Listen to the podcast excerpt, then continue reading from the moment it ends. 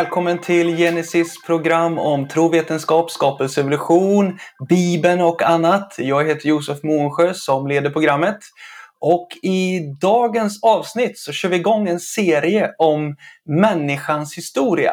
Jag frågar Göran Schmidt om fossil idag. Vi pratar om Lucy, Ardi och några andra.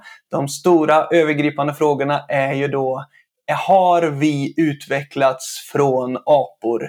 Eh, vad säger vetenskapen och hur hänger detta ihop med Bibeln? Välkommen att lyssna på vårt samtal. Välkommen Göran till ett nytt avsnitt här med, med Genesis. Tack så mycket. Eh, vi pratade ju om neandertalare senast och vi ska ju fortsätta på detta med eh, människans historia även idag och eh, ta lite fler fossil och lite mer Genetik blir det också kring detta fast kanske i ett senare avsnitt. Vi får se hur långt vi kommer här nu. Men vi ska börja med eh, lite fossil och lite allmänt eh, kring, ja vad finns det för några olika Homo erectus och Lucy och Ardi och sådana där. Alltså jag hoppas att våra tittare och lyssnare tycker det är intressant. Vi kör ju video här nu, men man kan ju även lyssna på podcast fortfarande. Så eh, det väljer man fritt. Men eh, ha det bra Göran i, i Göteborgs skärgård. Absolut ösregn just idag, men det, kanske inte, det sänds ju inte idag så att det kanske är solsken när det sänds. Så att, mm, men eh, jo, men det är jättebra. Det är jättebra. Gött. Eh, precis. När det gäller då detta med, alltså generellt så, så är vi ju kritiska till eh, evolutionstanken inom Genesis och det gäller väl detta också då när det gäller människans evolution, att vi, att vi har en Eh, en annan syn. Jo men, eh, jo, men så är det ju. Ehm, och eh, jag menar, det är ju så att när det gäller fossil generellt så är det ju ett, faktum, även om det finns en och annan som skulle motsäga det, så, så är det ändå, ändå i stort sett enighet kring bland evolutionsbiologer att, att just den fossila evidensen Eh, där är inte evolutionen så där jätte, jätte, jättetydlig därför att eh, det, det, saknas helt enkelt övergångsformer mellan olika kategorier av levande varelser. Eh, Stephen Jay Gould var en, en, en paleontolog, fossilforskare, som, som, som visade så tydligt just att när man tittar på fossilarkivet i dess helhet, alltså ser perspe helhetsperspektivet, så är det inte gradvisa övergångar mellan livsformerna som man ser där, utan man ser liksom eh, dels att de uppträder plötsligt utan föregångare och dels att de lever kvar utan att förändras särskilt mycket. Då. Så att eh, om det nu är så att eh, det är extremt svårt att, eller omöjligt att hitta övergångar mellan, mellan hunddjur och kattdjur i fossilens värld så skulle ju vi förvänta oss som skapelsetroende eh, att det är det lika svårt att hitta dem mellan apor och människor. Då, va? Eh, men det är två olika perspektiv här. Det ena perspektivet är det evolutionära perspektivet och det, det är ju då liksom att det inte finns någon gud, eh, eller åtminstone ingen gud som har med den här världen att göra mm, på något konkret sätt.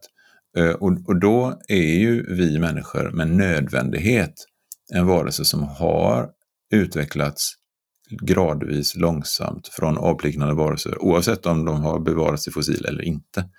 Medan utifrån ett bibliskt kristet bibliskt perspektiv, kristet perspektiv ska jag säga också dessutom, så är det så att Gud skapade människan till sin avbild som en, en, en separat, unik varelse. Medan Gud skapade apor efter deras respektive slag, så som det står i Första Mosebokens första kapitel. Då. Så att de, den utgångspunkt man har här kommer att, att, att, att prägla det här området. Då. Eh, tittar man, alltså om man, om man inte, jag har ägnat jag, jag vet inte hur många hundra timmar jag har ägnat åt det här området. Eh, och då får man till slut ett perspektiv på det, eh, naturligtvis. Eh, om man inte har ägnat eh, många, många timmar åt det här och när man tittar då på Wikipedia eller man tittar eh, på något, så, så, möts man av en, totalt vimm, en ocean av liksom, latinska märkliga namn på, på varelser. Och eh, som då framställs på ett, ett, ett, logiskt sätt som om det vore en, en, en, en linje i det hela. Då. Men under ytan så kan jag säga idag råder totalt kaos. Vi kommer att återkomma till det. det, det alltså inom den sekulära världen, det råder, råder verkligen kaos när det gäller eh, synen på människans evolution. Mm. mm. Om, om, man säger att, att det från början liksom var det som en linje, så är det idag Ja, det är inte ett träd, det är snarare som ett, ett snår där grenar saknas praktiskt taget överallt. Det är den bilden som, som, som är den eh, ja, nutidens bild av människans evolution. Mängder med frågetecken, mängder med frågetecken. Långt fler än för 20-30 år sedan. Mm. Och vi får återkomma lite till detta specifika saker då, men mm. eh, alltså, vi är ju otroligt lika aporna, schimpansen till exempel då, skulle ju många säga och man kan ju se det rent anatomiskt. Och, ja, och jag tycker att det finns stora likheter när jag tittar här. På mig då, ja. Aj, aj, aj. ja eh, men är det ett bevis för att vi är släkt med dem? Alltså apparaden, den här klassiska bilden av eh, där det går från eh, någon krypande apa upp till upprättgående människa. Mm. Nej, men, äh, ja, det är klart att vi har, vi har liksom samma, människan har samma grundläggande anatomi som, som övriga så kallade primater, alltså apor. På sven, alltså det, det, är lite dumt på svenska där, liksom, man, man talar om apor och människoapor. Och människoapor det är då orangutang, gorilla, schimpans. Och Och då, då ligger där, det ligger en evolutionär tolkning i det begreppet, alltså människoapor, det vill säga det är apor som då är, är någonstans i evolutionen mellan till människa. Va? Men, men, eh, men det finns ju en grej, apor och människoapor ihop då. då. Eh, om jag, jag kommer att kalla dem apor i fortsättningen för det blir så krångligt annars. Om apor och människor har många, många, många likheter, men likheter som sådant kan bero på fler orsaker än bara, än bara släktskap. släktskap. Alltså, mina barn liknar mig, därför att vi är släkt. Så den typen av, likheter finns då, naturligtvis. Men eh, likheter kan också ha andra orsaker och det är jättesvårt att få in det här i sinnet. Om man, men, men, men likheter kan också bero på design. Alltså, eh, jag brukar visa, när jag är ute och föreläser, så brukar jag visa en bild på en gammal Volkswagen och en gammal Porsche. De, de är väldigt, väldigt, lik, väldigt, väldigt lika i sin design. Eh, på många sätt och vis. Och orsaken till det, det var att det, det var en tysk ingenjör som hette Ferdinand Porsche och, eh, och han var designen bakom bägge två. Eh, så, så, att, och, och, och, så att det är också en, en, eh, en förklaring till att likheter kan, kan existera. Då. Så, att, så, att, så att här gäller det att avgöra då, liksom, att vara öppen för möjligheten att likheterna mellan människor och, och eh, apor faktiskt då kan, eh, Eh, kan bero på någonting annat än, än släktskap. Då. Eh, öppen för den möjligheten. Då. Sen, sen, så finns det, sen måste man säga också att eh, precis som det finns likheter mellan apor och människor så finns det också eh, markanta skillnader mellan, mellan apor och människor. Då. Så att, eh, och, och, det gör det idag. Då. Eh, och vi kan förvänta oss att det gjorde det förr i tiden också. Då. Eh, så, så, så. Den, framför, jag menar, den intellektuella delen, eh, den är ju liksom mest framträdande, den som har med vår hjärna och, och det där att göra. Det, för, det, forskare från Lunds universitet har visat till exempel att talgoxar är liksom lika, har lika stor problemlösande förmåga som schimpanser har. Så, att, så att det handlar inte om att jämföra några alltså gradvis liksom intelligentare varelser här. Eh, eh, för det, det, är faktiskt så att människan är helt unik i fråga om intellektuella kapaciteter och, och, också, och har en mängd egenskaper som är unika just för henne. Visst hade vi ett avst- eller en tidning om det nyligen, va? om människans unika unikhet ja, i Genesis? Det, var ju den som kom nu alldeles i, i december, nummer 4 2022. Eh, så att eh, den rekommenderar jag verkligen starkt. Och den kan man läsa i kombination med nummer 1 2020 som handlade om eh, människans ursprung. Då, där man vi talar om lite liknande saker som idag här. Så gå in och prenumerera. Genesis.nu går man in på så hittar man mm. möjligheten till att prenumerera. Mm. Men då så, det finns i alla fall tydliga skillnader också. Mm. mm. En del evolutionister skulle säga att, att det är fel att mena att vi härstammar från aporna eh, rent ja. tidsmässigt och Ja, alltså man säger, det är ju liksom sånt där man brukar säga, vi kommer från aporna. Eh, och då brukar alltid evolutionsförespråkare liksom, ja men, ajabaja, säger de då, ni är inte riktigt insatta i det här för att det är inte alls så, utan det är människan kommer inte alls från aporna utan kommer från en utdöd variant av förapor som levde för, för 6-7 miljoner år sedan. Eh, det var då som människa och schimpans liksom separerades, eller blivande människa, blivande schimpanser separerades från en urmoder och så blev det så småningom. Människan utvecklade, ja. Den mänskliga linjen blev till oss och den andra blev till schimpanserna.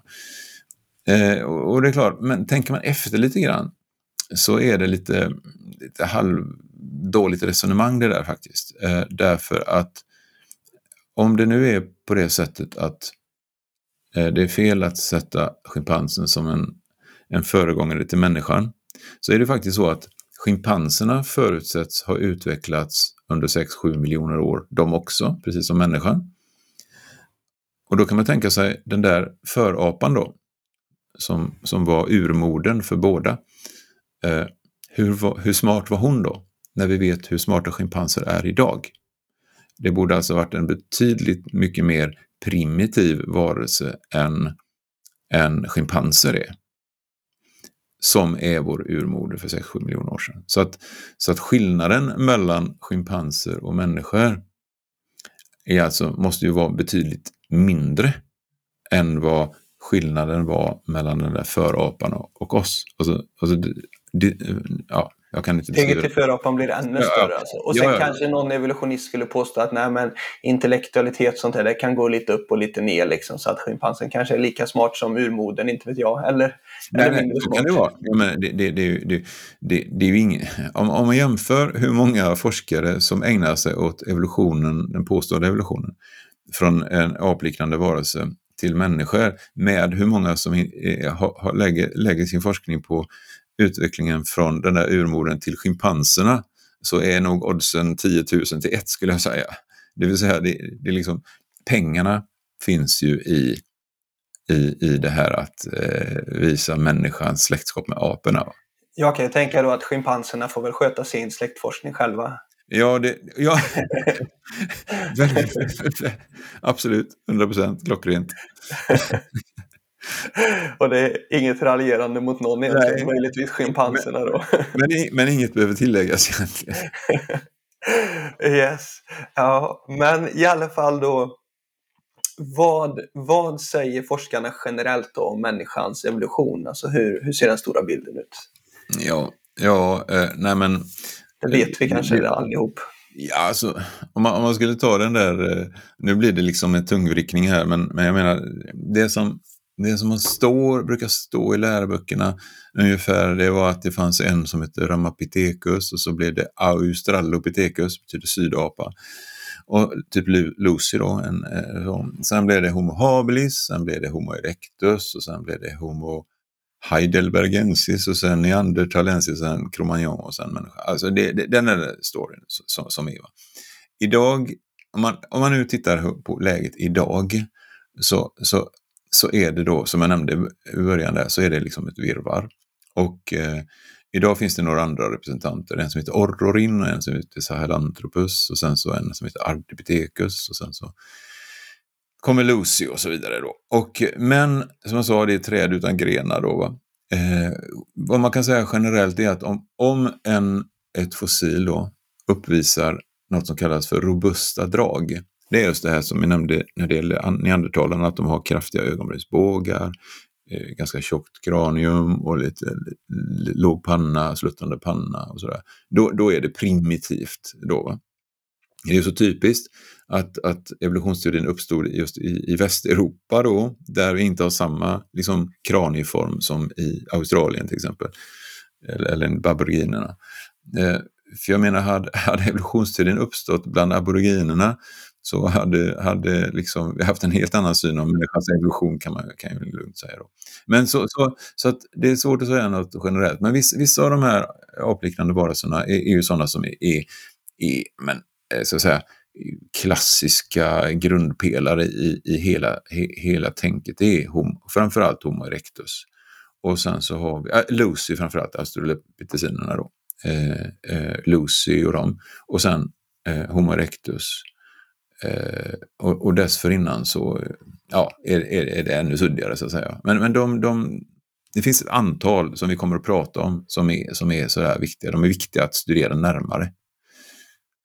Precis, för, för det här har ju med både fossil och genetik att göra. Ja, men precis. Eh, och eh, i det här första avsnittet så ska vi fokusera på fossil här då. Om det inte går väldigt snabbt, men det brukar det inte göra. Nej. Så därför så blir det nog bara fossil.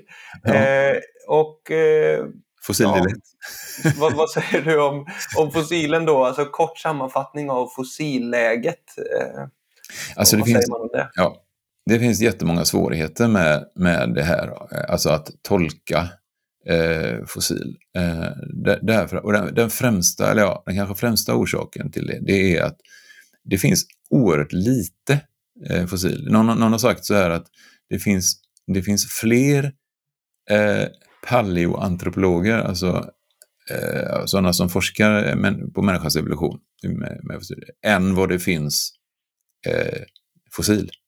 så så, att, så att det är inte som många tror att det finns en enorm mängd, men det är ju den bilden man får när man tittar på Wikipedia. Oh, en sån svindlande mängd med, med ja, lämningar efter för, för människan. Men i praktiken är det inte så. Det, det, det är väldigt, eh, egentligen väldigt, väldigt, väldigt få sådana. Det är det ena. Eh, och sen kan man konstatera att det är jätteofta som man, ett symptom på det är, att det jätteofta i, i medierna kommer rubriker, det kommer varje år, liksom, det här att ja, men nu måste människans evolution eh, skrivas om då.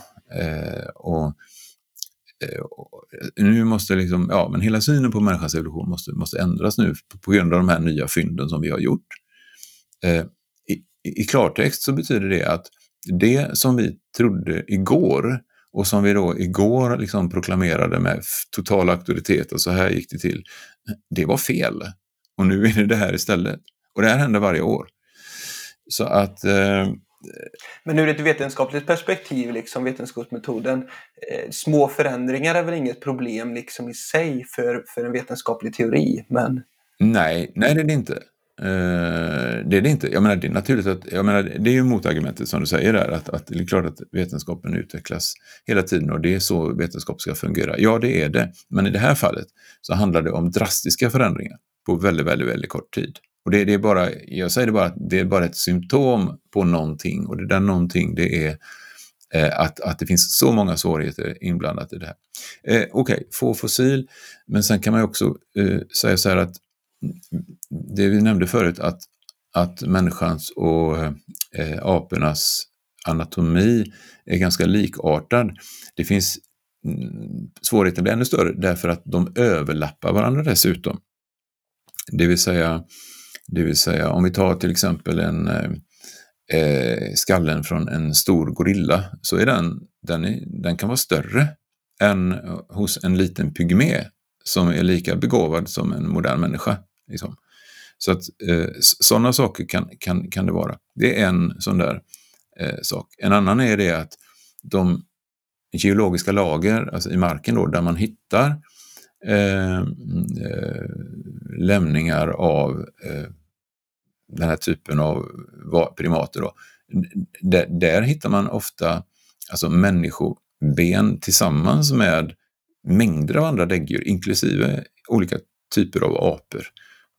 Så, så, så, är det. Alltså, eh, och, och sen... Och då behöver man sortera vad som tillhör vad. Eller vad är problemet? ja, men, ja, men precis. Då kommer man liksom in i, in i situationen man, man måste börja, börja tolka. Då. Är detta människa eller är detta apa? Det är den enklaste biten kanske att avgöra då. va. Men, men när man sen ska pussla ihop ett, ett helt skelett då, och, och ha liksom, där benbitarna ligger utspridda över stora områden många gånger, ja, men då, då blir det ju liksom ett, ett, väldigt eh, ja, men godtycke. Då kommer så att säga de förväntningar man har som forskare, kanske även förhoppningar i så fall, eh, om, om att bli berömd och känd, då kommer de att, att eh, spela en, en förhållandevis stor roll i, i hur, man, hur man eh, ser på det hela. Då. Och det finns ju alltså många sådana här klassiska misstag och grejer. Så det finns väl någon Nebraska man i USA Ja, som man det var en vild, eller någon tand från ett svin va, liksom, som, som målades upp som en, en forntida människa då. Mm. Eh, Piltdown-människan, men det var ju, Jag det tror- var ju fake. Var det Om jag inte minns fel så hette Nebraskaman på latin hette Homo eh, hes, Hesperiticus eller något sånt där i, i artnamn. Liksom. Alltså förhoppningsvis eh, eh, någonting sånt där. Alltså det, det fanns en förhoppning om att detta skulle vara den, den länken då. Men det finns, det finns liksom vissa saker som är det finns liksom vissa saker som är, om man säger, som är viktiga att titta på då när det gäller om, om det handlar om en apa eller en människa. Eh, det handlar liksom om att man tittar på saker som, ja men skallvolymen är en sån sak då. Eh, man tittar också på, på eh, käkarna, liksom, om de är, människan har en U-formad käke medan aporna har en V-formad eh, käke. Så. Händerna är väldigt stor skillnad liksom, därför att en apas tumme är betydligt kortare. Så att den når liksom inte upp till fingrarna. De kan inte ha, hålla en, ett pincettgrepp till exempel, en, en apa, vilket gör att den kreativa förmågan är, är praktiskt taget noll i förhållande till, till, till människans. Då. Och fötterna är uppenbar skillnad? Fötterna likadant. Där är liksom, de har ju fötter som vi har händer, liksom en utstående eh, stortå. Då. Eh, Um, armarna är, om vi ställer oss upp och håller ner armarna så går de uh, en, bit ner på låret, så att säga, eller en, ja, en ganska långt ner på låret, men uh, någonstans där. Medan en apa liksom har, har, där går armarna ner över knäna. Liksom. Så, så det, på vissa ställen är det uppenbara skillnader då, men du sa också att det överlappar många av de här. Ja, men det överlappar. Till exempel knäna, knäna till exempel, där har, där har, där har liksom människor en, eh, en knäled, i, alltså här någonstans då. Va? Så knäna går ja, här, det är inte rätt för er som lyssnar på podden, men, men liksom att...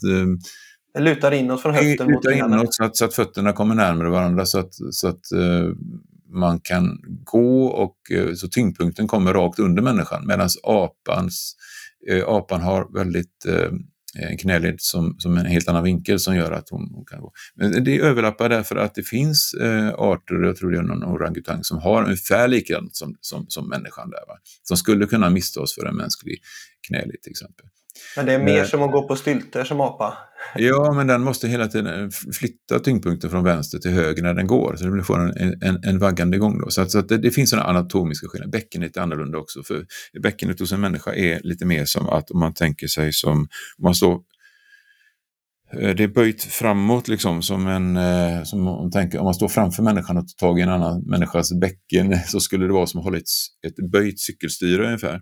Medan en schimpans, om man skulle göra motsvarande med en schimpans så skulle det vara som att hålla en, eh, så att säga, en vespa eller något. Alltså att, att det är liksom rakt sådär. Va?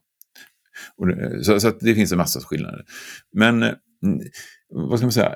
Jag tror att förutom de här alltså konkreta svårigheterna att skilja vad, som, vad från vad, så är det det här som vi nämnde förut, alltså med de här förhoppningarna verkligen om att om att, att verkligen det här ska vara en länk i människans evolution. Och då finns en tydlig tendens att man vill överbetona de mänskliga egenskaperna hos apliknande fynd och överbetona de apliknande när man hittar lämningar från människor. För det man förväntar sig hitta i de här lagren, ja men det är någonting mittemellan.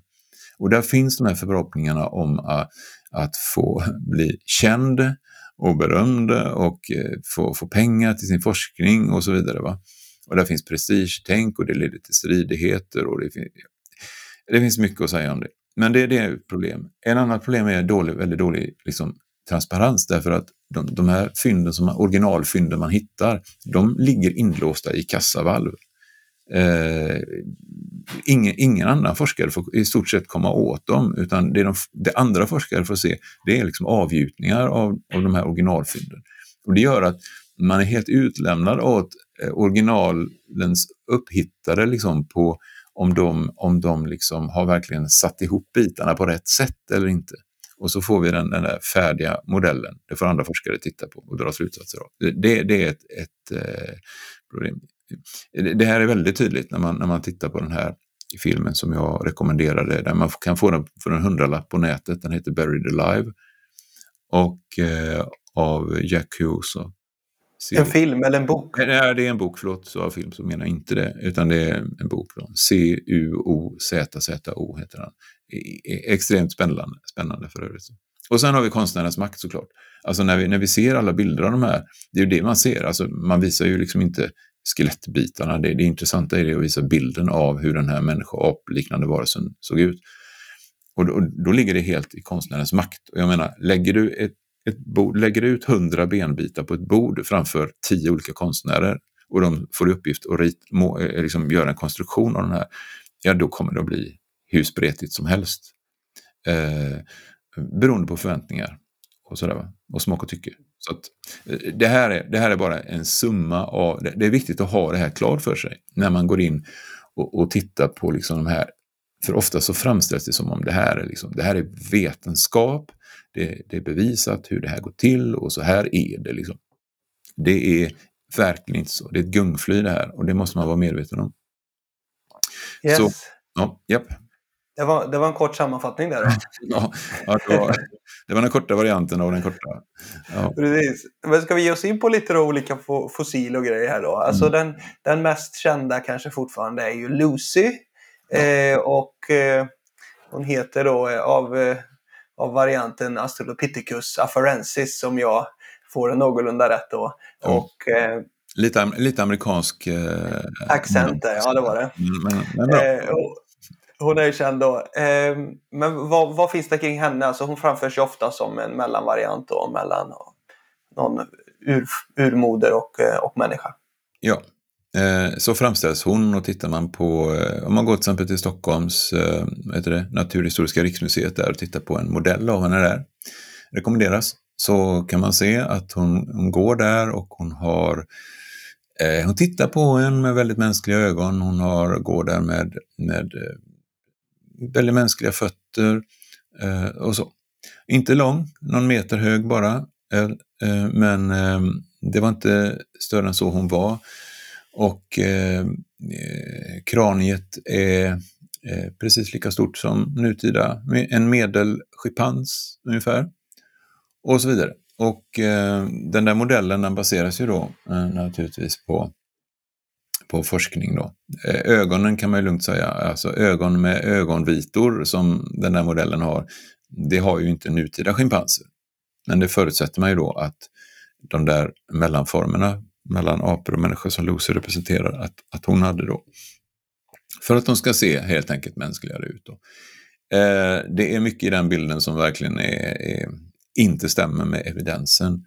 Eh, ögonen kan man naturligtvis inte hitta fossil, eh, det är ju självklart. Så det, det, är ju bara någonting som man gör. Det är bara konstnären? Det är helt konstnärens eh, verk. Och eh, tittar man på fötterna så eh, kan man konstatera att eh, allt tyder på, praktiskt taget allt tyder på att, att Lucy hade fötter precis som nutida apor har, det vill säga med en stortå som pekade, pekade utåt. Det finns, finns ett... det fossil Nej. efter fötterna? Ja, det finns. Men jag vet eh, inte, inte så Lucy, alltså det, det skelettet som kommer att kallas för Lucy, där hittar man inte det. Men hos andra australopitheciner har man eh, visat att det, att det finns, eh, att, att, att det var den här andra typen av fötter. Eh, hos, eh, det finns ett ben, ett tåben som man har hittat i samma område tror jag som Lucy, som, som ser mer mänskligt ut. Men då ska man vara medveten om att man har hittat liksom, eh, lämningar av människor i samma geologiska lager, i samma område. Så att eh, så bland annat då en knäled som är, som är, är helt oskiljaktig från en mänsklig knäled, fast liten. Så, att, eh, så det kan man säga. Så att eh, om man eh, så att säga tittar på Eh, man har också kunnat se så här till exempel att när man tittar på, alltså på kraniets insida så kan man ju då se eh, eh, eh, så att säga, konturerna av innerörat. Innerörat är ju där vi har vårt balanssinne och sånt där. Va? Och när man då tittar på strukturen hos eh, den delen av eh, skallen hos en apa, trädlevande apa, så är den markant annorlunda än den hos en upprättgående människa. Och när man tittar på, på den hos Lucy så är den eh, som hos trädlevande apor. Eh, så utifrån det finns det inget som, som skulle säga att, att Lucy gick upprätt eller så. Annat än korta perioder naturligtvis, eller längre också, som en del apor även idag kan göra. Så du menar att det, det, tyder på att Lucy var en trädlevande apa? Precis, därför att man har dessutom kunnat gjort en forskare som heter Oxnard som, hette, som, som för många år sedan hette, för många år sedan gjorde en, en, en väldigt noggrann dataanalys på ett antal australopitheciner eh, och, och, och andra eh, typer av, av eh, apor och kunde konstatera att de, de, att de är väldigt mycket mer lika apor men att de tillhör som en, en ehm, en egen kategori vid sidan av gorillor, schimpanser och orangutanger så är det som om det vore en, en, en fjärde kategori eh, som inte har med människan att göra. Så, så att evidensen, precis som du sa, evidensen eh, tycks tyda på att eh, Lucy faktiskt var en trädlevande en apa som levde en stor del av sitt liv bland träden eh, och väldigt lite som tyder på att de skulle ha gått upprätt. Men det där upp, men i den här modellen, på, om jag inte minns fel, den här modellen på eh, Riksmuseet så finns det även fotavtryck av henne. Det är nämligen så att man har hittat då i, i eh, nere i eh, Letonia. Tanzania eller? Tanzania är det nog ja. Där har man hittat då fotspår i samma geologiska lager som där man hittat då Australopitheciner. Och de fotavtrycken är mänskliga, alltså de ser helt mänskliga ut. Så att man har helt enkelt lagt ihop två och två. Man, eh, eh man tänker rent logiskt så här att okej, okay, vi hittar eh, australopitheciner i, eh, i det här berglagret och vi hittar också fotavtryck i det här berglagret. Följaktligen måste Lucy ha gått, kunnat gå upprätt. Därav också de här, den här strävan att försöka på något sätt få Lucys fötter att, att, att vara lite människolika ändå. Så kopplar man ihop det. Det finns naturligtvis en annan förklaring också. Det är ju att om det vore så att människor och Lucy levde samtidigt i samma område, eh, då skulle ju eh, moderna människor kunna ha satt av fotavtrycken och, och eh, Lucys skelett ligga där. Därför kanske att de här människorna jagade sådana som Lucy och åt upp. Mm. Tim White heter ju en framstående forskare va? Och jag har skrivit av honom här att eh, det ser ut som moderna mänskliga avtryck, men det är inte det. En, en fyraåring skulle inte kunna skilja spåren från andra mänskliga fotavtryck i en sandstrand. Nej, nej precis. Eh, sa du att de inte såg mänskliga ut? Eller vad sa du? Jo, att de ser mänskliga ut. Ja, de, de ser, ser ut som moderna mänskliga avtryck. Precis, men de är inte det enligt, enligt nej, White. som nej, kan inte vara det. nej. Och mm. där kan man ju säga så, det är det klassiska uttrycket liksom att Okej, okay? om, den, om den går som en anka och simmar som en anka och låter som en anka och flyger som en anka, då är det antagligen en anka. Så, så en skapelsetroende förklaring på detta är helt enkelt att, som du sa här innan då, att det fanns människor då också. Avtrycken kommer från människor, inte från Lucy. Ja, ja det, finns, det finns mycket, mycket evidens för att äh, människor och äh, australopitheciner levde samtidigt. Då. Man har, Visst man har... är det så i, i de här avtrycken Göran, så är det väl så att det är, det är också ett, en mindre individ som går i den större individens Precis. Eh, spår. Precis, precis. Och, och, verkligen, och tar kanske längre kliv till och med, eller för att gå precis. i spåren. Ja, men precis. Det är, det är liksom verkligen en sån här gullig bild verkligen. Man, man kan se att det här, är, det här är precis som ett litet barn. Då som har gått efter sin mamma eller pappa. Jag vet inte om elefanter och, och schimpanser gör så, men man, man Nej, känner ju i alla fall att, utan att veta då, att det, att det känns som en ganska intellektuell varelse där som har traskat ja, efter. Ja, nej, jag har inte ägnat lika många timmar åt att undersöka just om, om elefanterna gör så. Men, eh, men eh, det är intressant. Det är lite kul i alla fall. Grej. Sen har man hittat, den här typen av fotspår har man idag hittat i berglager som är då 5,7, de kallar eh, att de säger 5,7 miljoner år gamla. Och då är Lucy kanske 3,7 eller något sånt där. Va? Så, att, så, att, så, så, att mänskliga fotavtryck har man hittat på, på Kreta som, som är långt längre, mycket längre ner i, i de geologiska lagren än, än, än vad, vad någon australopithecin är. är så att säga. Så, alltså att det är också evidens för detta. Eh, Richard det där måste ju vara väldigt problematiskt för den här bilden av att vi skulle ha en gemensam urmoder med schimpansen då för 6-7 miljoner år sedan, eller? För jo. den hade ju verkligen inte mänskliga fötter. Borde den inte haft, för det har inte schimpanserna idag. Eller jag vet inte hur de tänker. Nej, men alltså det här är ju också forskarna delade och har, har varit under lång, lång tid. Det är den mest kände mm, sån här forskaren inom området, han heter Richard Leakey, eller hette Richard Leakey, hans, hans, sen hans hustru Mary Leakey.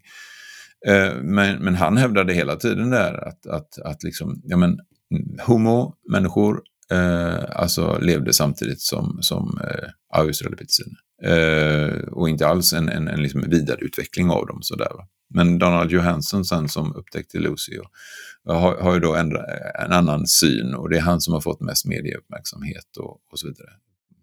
Eh, jag rekommenderar en bok eh, som heter, har den här, som heter Contested Bones som, som går igenom de här sakerna väldigt, väldigt eh, eh, noggrant. Då. Eh, det är av en författare som heter Christopher Roop och eh, en, en annan som heter, en genetiker som heter John Sanford eh, Eh, som har skrivit den boken. Den är, den är verkligen, verkligen eh, intressant. Så att där kan man läsa mer om, om detaljerna bakom det här spelet mellan de här olika forskarna och så vidare. Och vad man faktiskt har hunnit, det, det, funnit. Därför det här, den, de, här forsk, de här två personerna gjorde en sammanställning helt och hållet utifrån, utifrån eh, eh, sekulär forskning. Alltså ingen, de är kristna de här personerna. Men, men om man nu inte på förhand liksom borträknar dem bara för den sakens skull så, eh, så är det så att de har använt sig helt och hållet av sekulära källor och sammanställt ett material som eh, jag till en del eh, relaterar här idag. Så att, mm. Det är Bill Lucy alltså, att, det är ja, de här fotavtrycken ja, mycket som gör att hon blir en del av mänsklighetens ja, historia då. Annars så skulle hon inte vara det. Nej, nej. Alltså hade man träffat, hade man hittat hennes benrester liggandes på, på, på eh, marken i en regnskog någonstans så hade man, första impulsen hade direkt, om man nu var lite biolog i alla fall, så skulle man direkt säga, men hallå, här ligger ju eh, skelettet av en död dvärgschimpans. Eh, det, det, var, det var den reflektion man skulle göra, utan, utan, utan tvekan. Redan när man tittar på skalltaket, liksom bara titta här, ja men så här, eller skalltaket, jag menar själva kraniet. Alltså, så här litet, det måste vara en apa. Ja, men det, är den, det är den spontana, intuitiva liksom, slutsatsen man skulle ha dragit. Men nu ligger en idé, en, en tanke i bakhuvudet, den evolutionära tanken att, att eftersom hon ligger så pass långt ner i marken, ja, men då kan det ju inte vara en dvärgschimpans. Eller någon kanske lite annorlunda variant.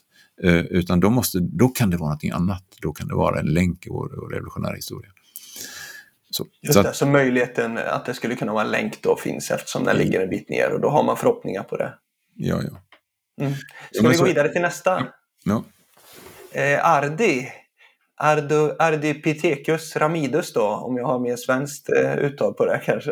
Mm, så mm, är, är ett annat fossil och en variant, för man har väl hittat flera fossiler också, antar jag. Mm. Eh, vad, är det som, vad finns det kring henne? Varför menar man att det är en, en eh, mellanvariant mellan apa och människa? Och... Ja, man har tyck, tyckt sig hitta några, några detaljer i, i hennes skelett. Eh, jag tror att det kan vara eh, framförallt i fötterna. Jag tycker att stortåns vinkel är inte lika stor som hos, hos apor. Alltså om apor sticker ut så här mycket och våran sticker ut inte alls, så sticker deras ut lite, lite mindre. Sådär, va? Och det, det är väl en, en, sån sak. För övrigt, om man, ställ, om man ställer upp en rekonstruktion av Ardipithecus jämfört med en dvärgschimpans, så ser man samma dimensioner av kraniet. Eh, man ser eh, ja, samma armlängd till exempel, som går ner då långt över knäna, en bit över knäna. Eh, och, och, alla andra. Så, så att det finns egentligen när man tittar på det så, så undrar man, men vad är det egentligen som gör den här så, så, så aplik? Så, att, så eller så, så att man antyder att det skulle handla om en mänsklighet, mänskliga drag, utan, utan de, är, de är praktiskt taget oskiljaktiga från en schimpans rent anatomiskt, eller från en, en dvärgschimpans rent anatomiskt. Väldigt lite som skiljer. Så, ja, det har så, inte med bäcken eller höftben jo, och sånt där som man har satt ihop eller? Jo, eh, det, det, det, höftbenet på, alltså den, Ardipithecus, han, Alltså det var Donald Johansson som hittade honom också. Och märk väl här, alltså, det är några personer, kända personer som kommer igen hela tiden.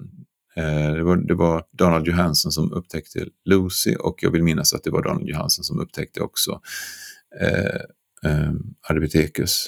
Eh, och eh, det handlar alltså om, i det här fallet så handlade det om något som han själv beskrev som en, en, en roadkill, alltså överkört djur. Alltså, det var totalt eh, eh, alltså ben, det var små, små, små benfragment. Jag, jag, jag minns inte nu, jag undrar om inte det, var, det tog sju år för forskarna att pussla ihop Ardipithecus eh, till, till någon form av, eh, så att det kunde bli möjligt att göra någon sorts rekonstruktion. Då.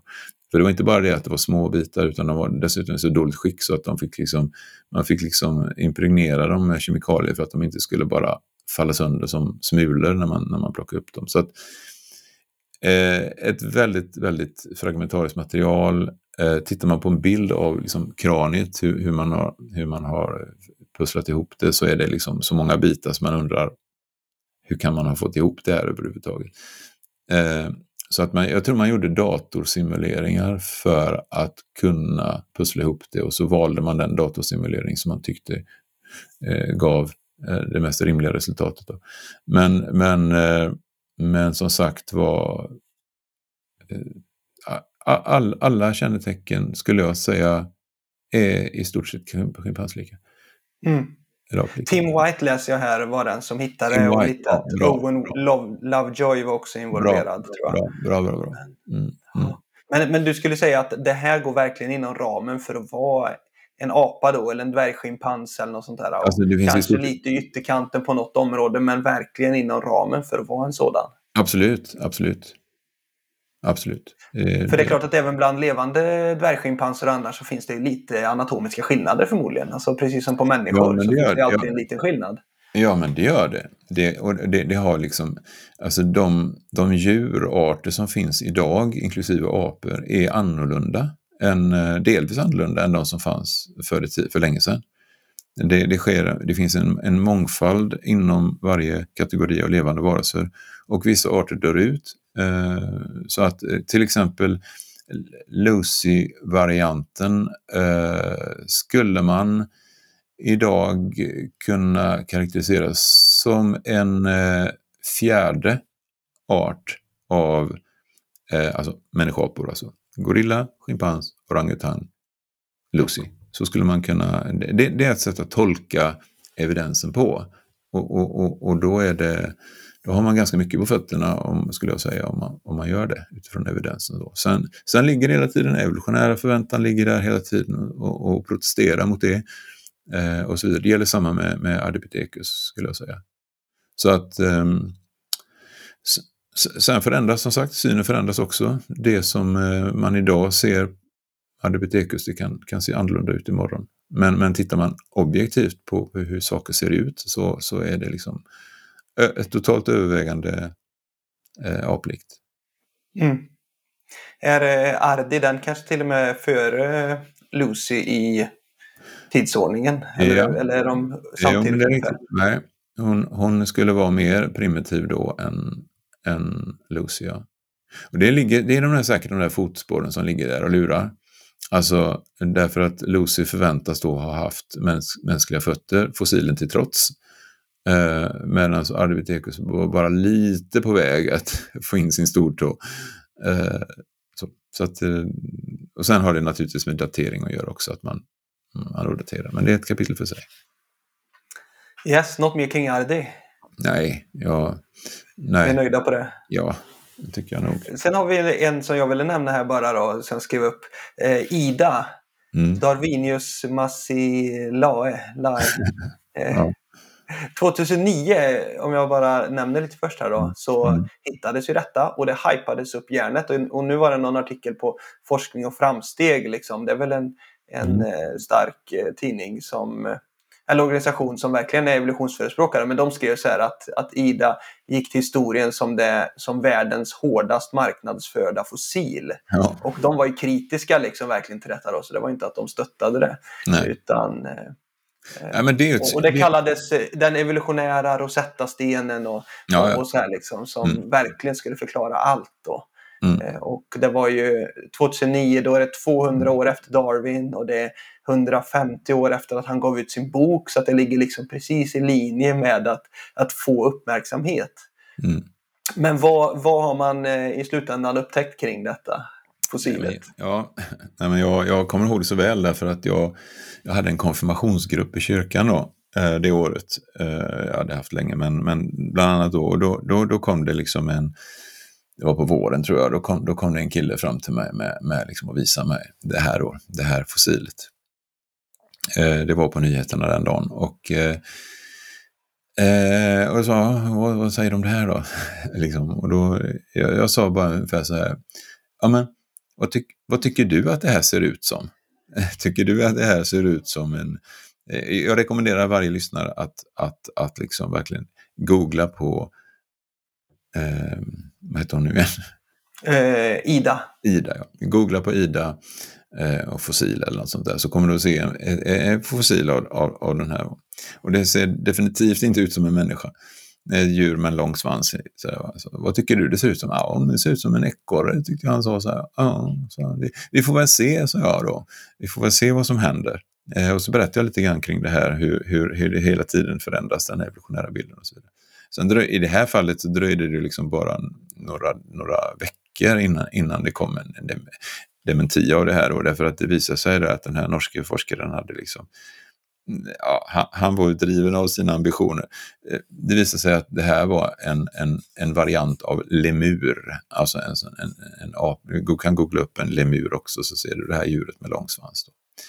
Eh, så att, så att um, nej men, så det, det, försvann, det blev liksom bara liksom ett svart hål. Men det kom ju inte lika stora rubriker i tidningen om det här, eller i media överhuvudtaget. Det, det, det var i stort sett tyst.